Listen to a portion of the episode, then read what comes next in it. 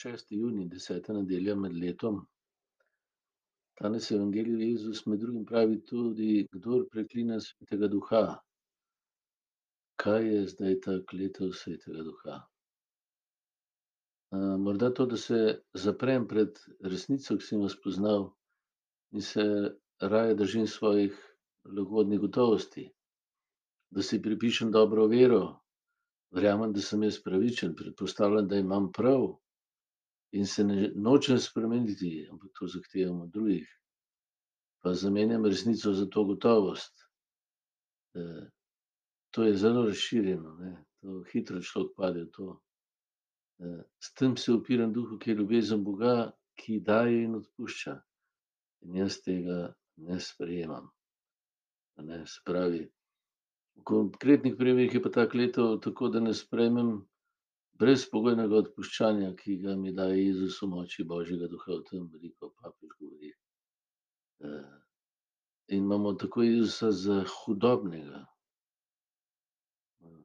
To je kletev svetega duha. priznavati, da Bog je, ampak,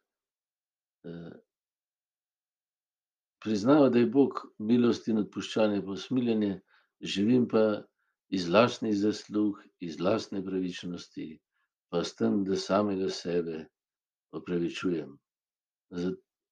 zaradi tega, ne, s takšno držo pa res ne morem sprejeti daru odpuščanja.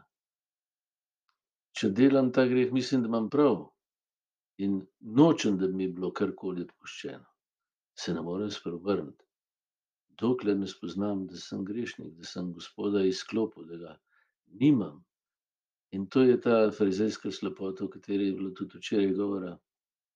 In ta ostaja, dokler jaz mislim, da vidim.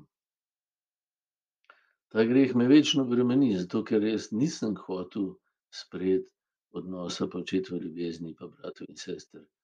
Ampak sem se zaprl vase, v svojo popolnost, v svojo večvrednost. in Jezus mi tega ne govori zato, da bi me obsodil, ampak da bi me prebudil, da se zbudim, da se spreobrnem, da postanem spet sin. Da se zavedam, da je v moji krhkosti Bog mene ozdravlja in dela čudeže. tudi zame. Da odkrijem, da imam brate in sestre.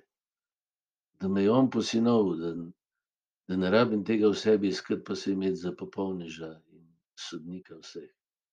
To se mi zdi, tako preprosto in dragoceno. नहीं नमक मारा